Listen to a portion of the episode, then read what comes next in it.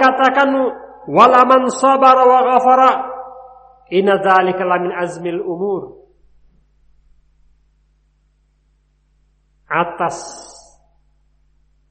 barang siapa yang bersabar dan mudah memberikan maaf inna dzalika lamin azmil umur. Allah puji perbuatan sabar. Allah katakan inna dzalika lamin azmil umur, perkara yang mulia. Kesabaran, sifat sabar adalah sifat mulia. Maka Allah subhanahu wa ta'ala memerintahkan kita untuk terus-menerus di atas kesabaran. Apa pun kondisi kita, kita disuruh bersabar. Karena memang hidup sangat membutuhkan kesabaran.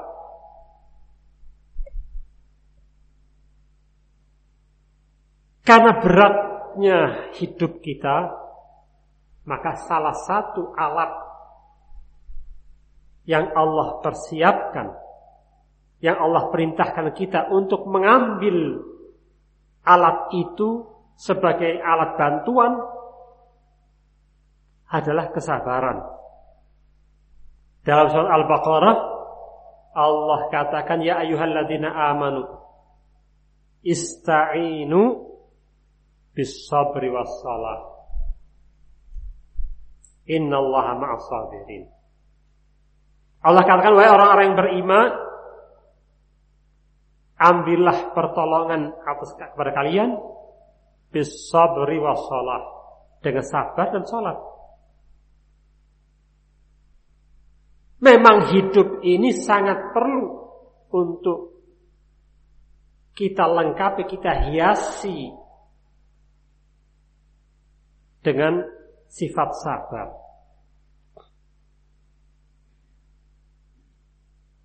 Hadis banyak pula Rasulullah SAW mengatakan untuk kita banyak bersabar.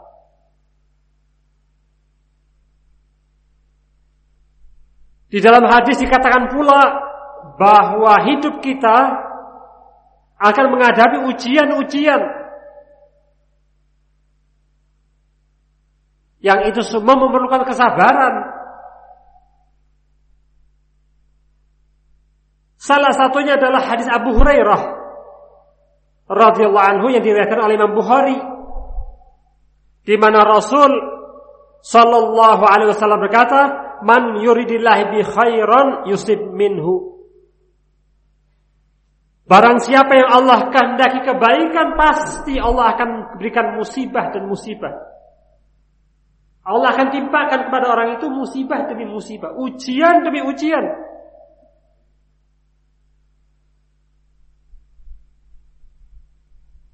Kata para ulama, hadis ini menunjukkan bahwa barang siapa yang Allah kehendaki kebaikan dan dia bersabar dan dia berharap pahala di sisi Allah, maka Allah akan timpakan ujian demi ujian. Ujian yang menimpa diri kita.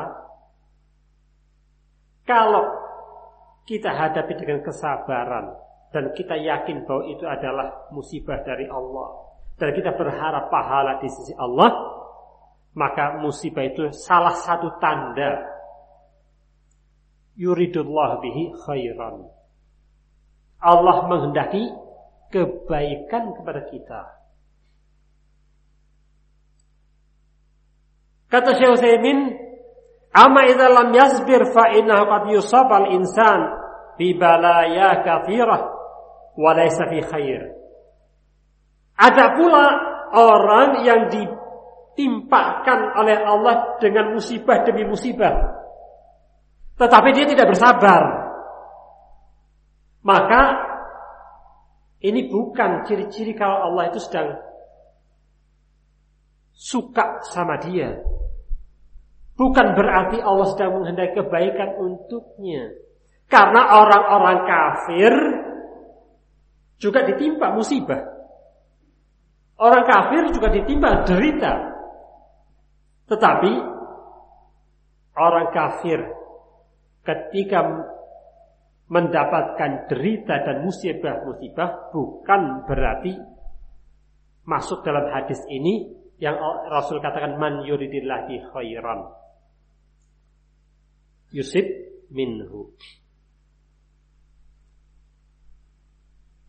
Jadi salah satu tanda Allah cinta atau Allah menghendaki kebaikan buat kita adalah musibah demi musibah yang menimpa diri kita.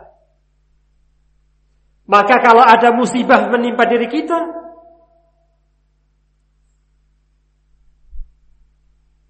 yang harus pertama kita lakukan adalah kita sadar bahwa ini jangan-jangan Allah menghendaki kebaikan untuk kita.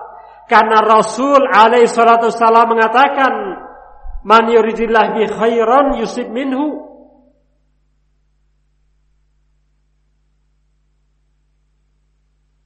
Maka kalau musibah datang kepada kita, yang mesti kita lakukan adalah kita bersabar atas musibah-musibah itu. Kita mesti sadar,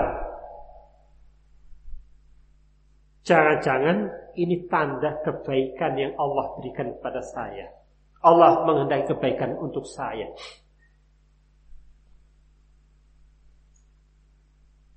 Kenapa dikatakan musibah itu adalah satu kebaikan?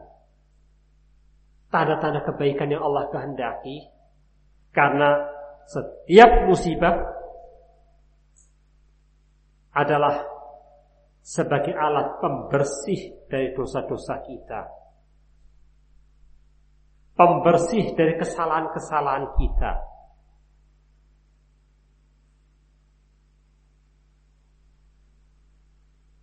Maka kalau karena musibah itu dosa kita terhapuskan, kalau mas karena musibah itu dosa kita dibersihkan, apakah bukan ini sebagai satu kebaikan buat kita? Maka musibah yang dengan musibah itu akan terhapuskan dosa-dosa kita ini adalah satu kenikmatan dibanding kalau dosa itu Allah balaskan di kelak di yaumul kiamah dengan azabnya wal billah. Karena azab dunia seberapapun beratnya azab dunia maka tidaklah ada artinya dibanding azab akhirat. Di dalam hadis yang lain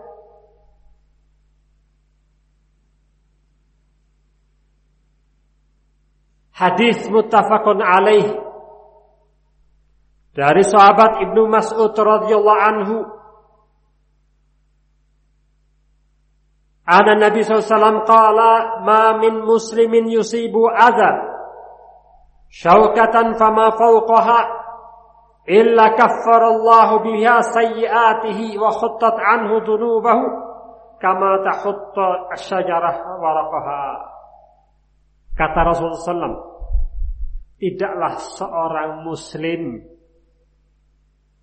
menimpa gangguan padanya.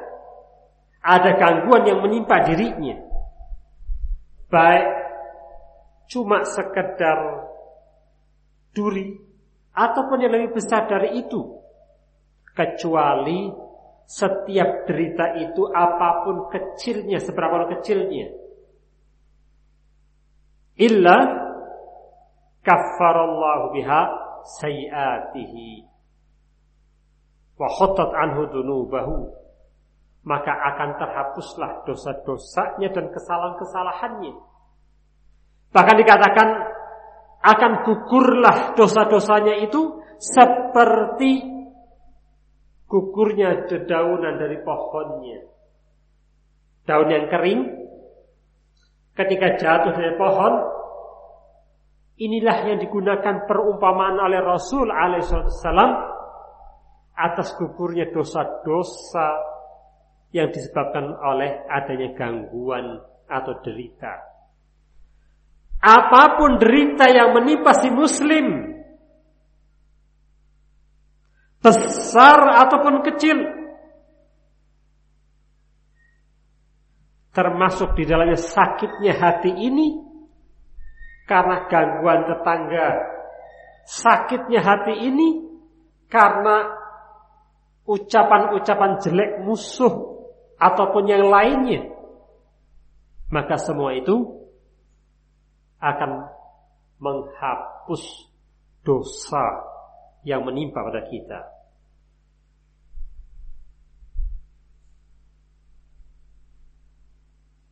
Siapakah di antara kita yang tidak pernah berdosa? Siapakah di antara kita yang tidak pernah salah? Lalu mau dikemanakan dosa itu, kesalahan itu mau dikemanakan? Akankah kita koleksi, kita bawa ke yaumul akhir wal billah? Kita berlindung dari Allah kepada Allah Subhanahu wa taala dari dosa-dosa kita. Jangan sampai dosa kita kita bawa ke akhirat lalu Allah balaskan di akhirat naudzubillah.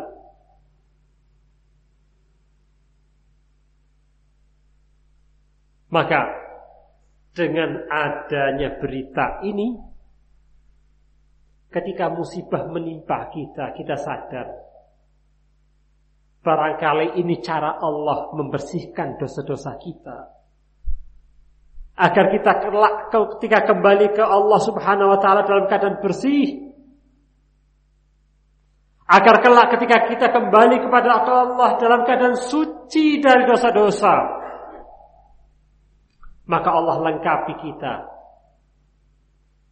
dengan syariat untuk penghapus dosa yaitu derita yang menimpa si muslim di dunia ini.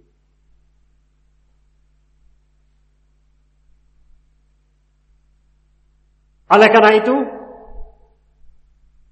hendaknya si muslim ketika menimpa dirinya satu musibah, ingatlah pahala, ingatlah apa yang Allah siapkan untuk dirinya setelah musibah-musibah itu yang datang dari Allah Subhanahu wa taala.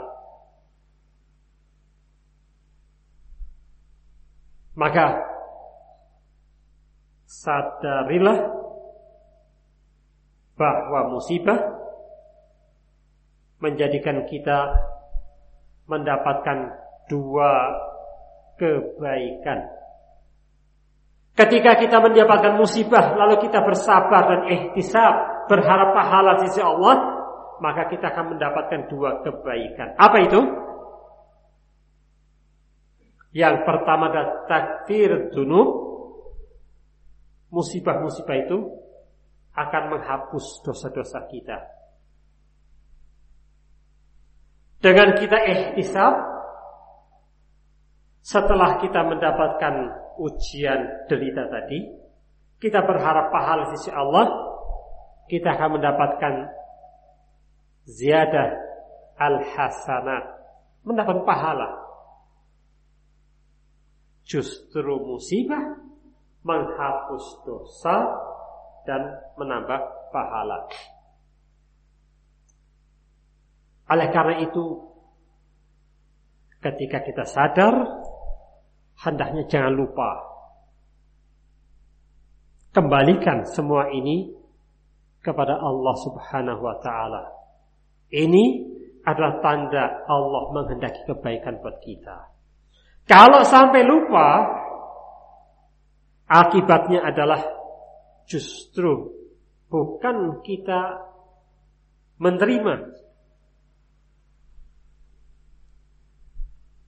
yang sering kebanyakan manusia ketika musibah menerima dirinya fayadik sadrahu merasa sempit dadanya. Lalu fayasiru dhajar dia gelisah dan berontak. Saya dari dulu sakit terus, menderita terus, rugi terus, hancur terus. Sholat sudah lima waktu ke masjid, Allah perlakuan saya seperti ini. Ketika ditimpa ujian, bukan dia tambah lebih mendekat kepada Allah, tambah meyakini bahwa ujian ini adalah tanda kebaikan yang Allah berikan buat kita, tapi kebanyakan orang justru sebaliknya. Maka Kalau kita sadar bahwa ujian itu adalah tanda kebaikan yang Allah berikan kepada kita, maka ini adalah bentuk nikmat yang Allah berikan kepada kita.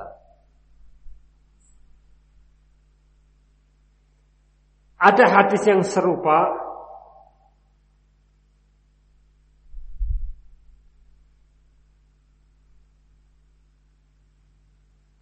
yang diriwayatkan oleh Imam Tirmizi dari sahabat Anas radhiyallahu anhu.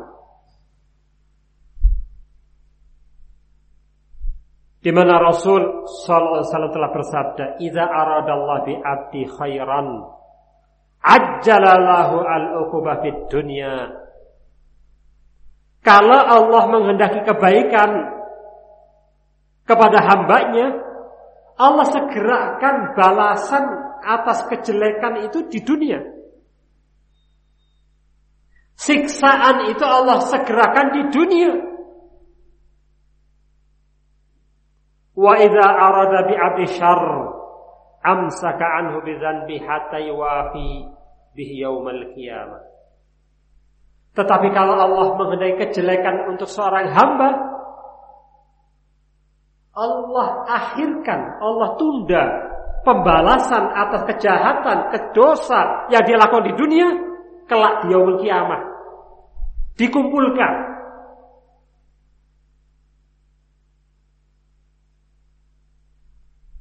Lalu Nabi mengatakan inna azamal jazama azamal bala. Wa inna allaha idza ahabbal qauma ibtalahum.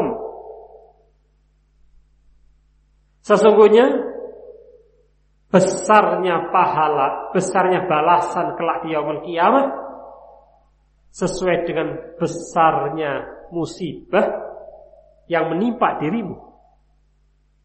Tambah besar musibah menimpa dirimu, tambah besar pula balasan yang Allah sediakan untukmu. Tambah besarnya derita, tambah besar pula kenikmatan-kenikmatan yang dia akan dapati kelak di yaumul kiamah. Inna azamal jaza ma'azamal bala. Sesungguh balasan pahala itu sesuai dengan besarnya bala, ujian.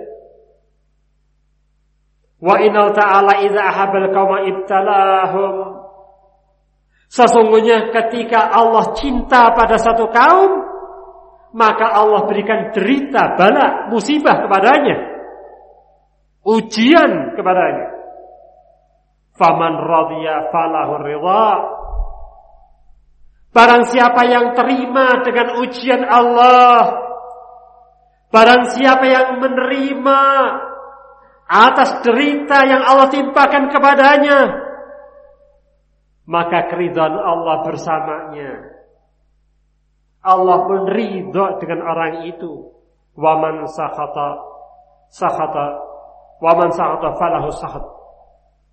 Akan tetapi barang siapa yang tidak menerima dan murka maka Allah pun murka kepadanya.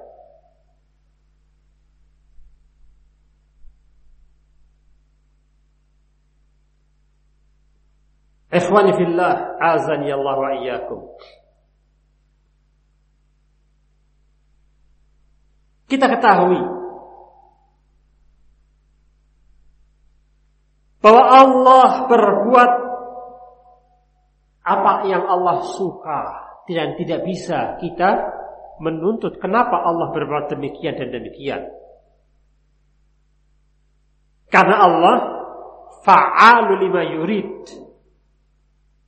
Allah berbuat apa yang Allah sukai. Terserah Allah. Dan tidak ada satupun makhluk yang bisa menuntut kenapa Allah berbuat demikian. Tidak begitu.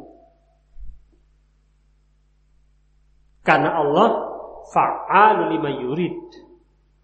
Allah bebas berbuat karena Allah lah sang pemilik semua makhluk. Allah lah raja dari semua raja. Allah lah yang paling berkuasa.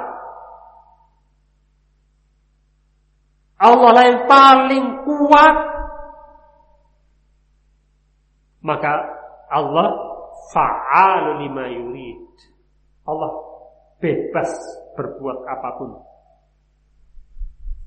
Allah pun telah berfirman di dalam surat Al-Hajj, "Inna Allah yaf'alu ma yasha'." Sungguh Allah berbuat apa yang Allah sukai. Maka ketika Allah mengatakan Idza aradallahu bi 'abdi khairan ajjala lahu al-uquba fid dunya. Ini menyangkut masalah iradah Allah. Menyangkut masalah kehendak Allah. Maka kita tidak bisa mengatakan kenapa Allah kok gitu. Itulah kehendak Allah. Idza arada Allah bi 'abdi khairan ajjala lahu al-uquba fid dunya.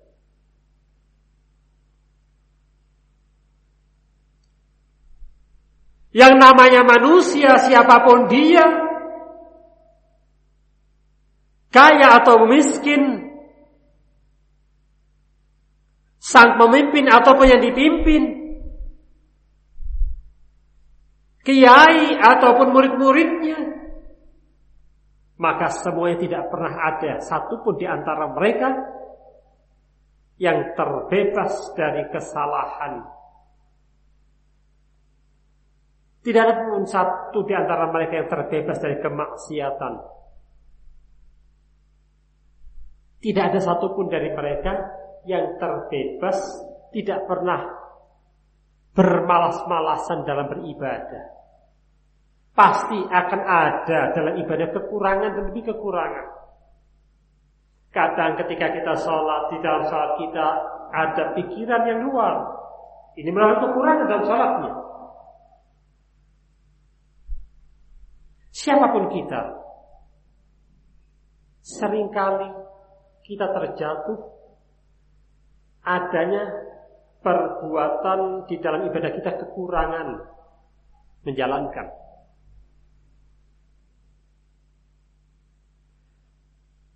Maka semua ini adalah perbuatan dosa, semua ini adalah kesalahan. Anda bayangkan kalau kesalahan-kesalahan itu tertumpuk tanpa ada alat pembersih. Tanpa ada filter. Bayangkan kendaraan kita saja kalau tidak dibeli filter, rusak.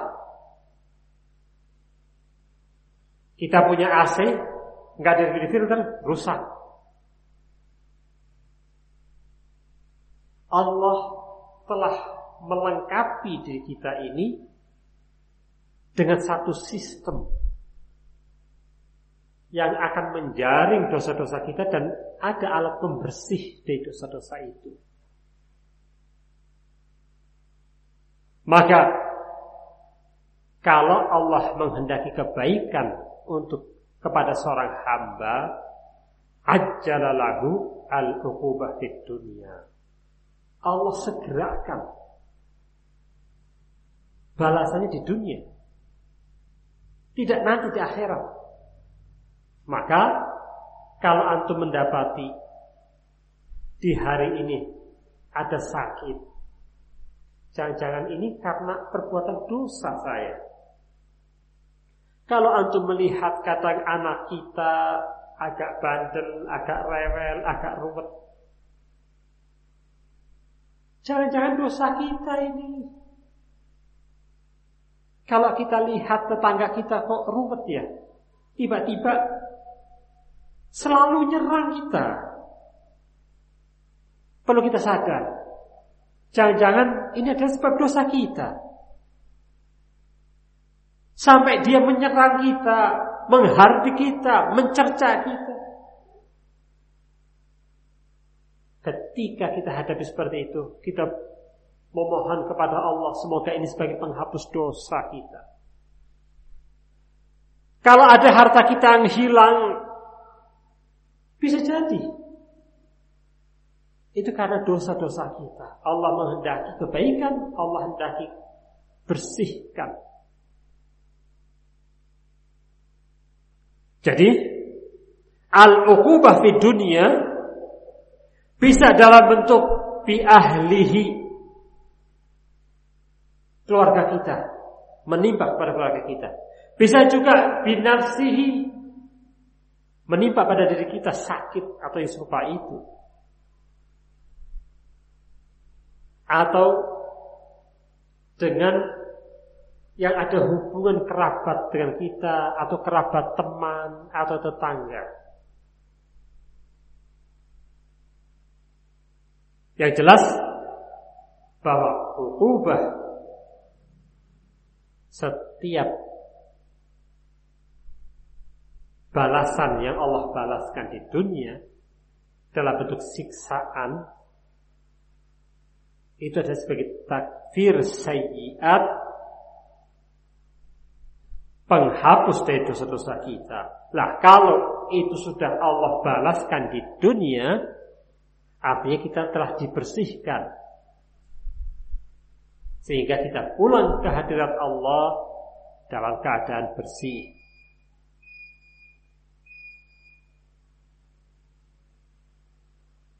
Lalu Allah kata in azabul jaza min azabul bala.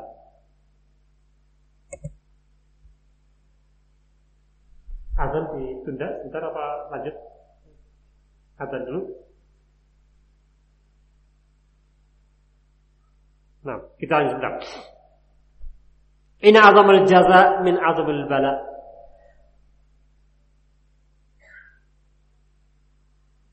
Kalimat ini mengandung bahwa kalau musibah yang menimpa kita adalah ringan, maka balasannya pun ringan.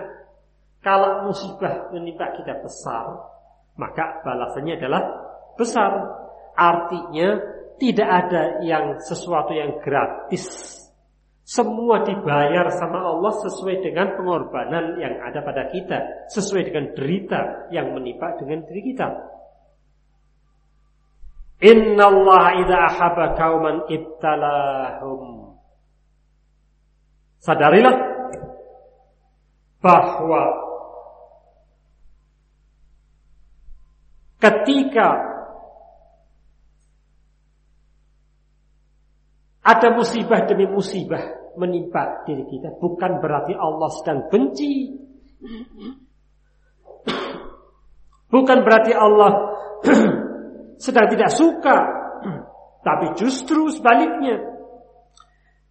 Innallaha idza ahaba kauman ibtalahum. Sesungguhnya jika Allah cinta pada satu kaum, Allah timpakan ujian demi ujian, derita demi derita. Faman radhiya falahur ridha. Barang siapa yang ridha akan musibah dan derita yang Allah timpakan kepadanya, maka dia akan bersama keridhaan Allah.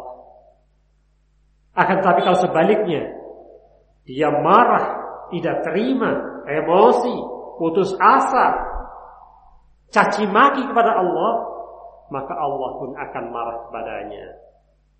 Jamaah yang dimuliakan Allah, ayat-ayat di atas ataupun hadis-hadis ini semuanya adalah mengajarkan kepada kita untuk kita bersabar dalam menghadapi kehidupan di dunia. Bahwa kehidupan di dunia ini tidak selalu indah dan menyenangkan.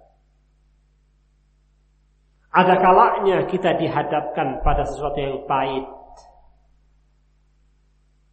Seringkali kita dihadapkan pada ujian demi ujian dan sadarilah bahwa dunia adalah darul imtihan. Yang namanya dunia itu darul imtihan. Negeri ujian. Tidak mungkin Anda akan luput dari ujian demi ujian.